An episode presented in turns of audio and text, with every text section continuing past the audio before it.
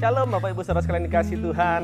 Salam sehat, tetap semangat bagi kita semua.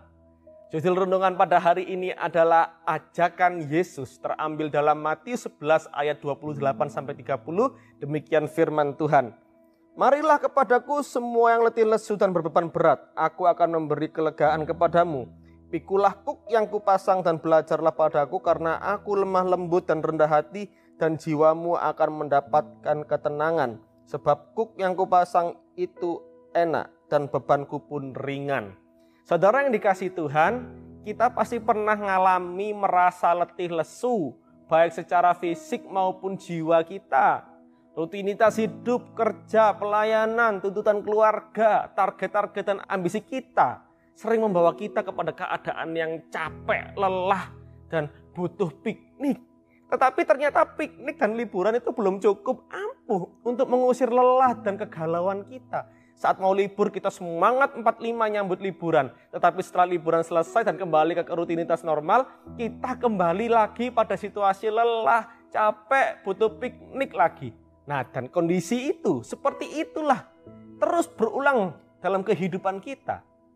Dalam firman hari ini Yesus selalu mengajak setiap orang yang stres, letih, lesu, dan berbeban berat untuk datang kepadanya. Yesus memberikan undangan dan tawaran yang luar biasa, yaitu memberikan kebebasan dan kelegaan. Apa yang terjadi jika orang itu sedang dehidrasi, dia sedang, sedang mendapatkan segelas air sejuk yang segar? Tentu ia akan merasa lega. Kelegaan semacam itulah yang ditawarkan Tuhan Yesus dalam Injil ini. Tuhan Yesus tidak menawarkan kelegaan yang semu seperti yang ditawarkan oleh dunia. Tuhan Yesus juga tidak menjanjikan manusia bebas dari aneka macam beban hidupnya. Tetapi Tuhan Yesus menjanjikan kuk yang enak dan beban yang ringan. Apa artinya? Tuhan Yesus tetap menekankan kewajiban setiap orang beriman untuk bekerja seturut dengan tugas dan tanggung jawabnya. Untuk itulah kuk dibutuhkan. Dengan kuk yang terpasang, manusia tidak bisa berbuat seenak hatinya sendiri.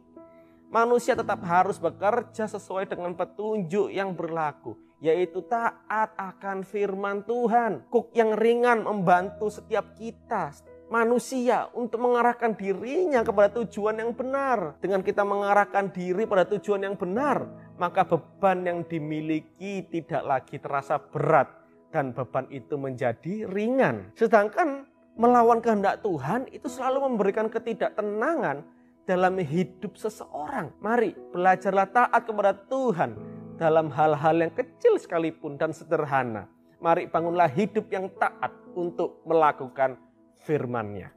Amin. Tuhan Yesus memberkati kita.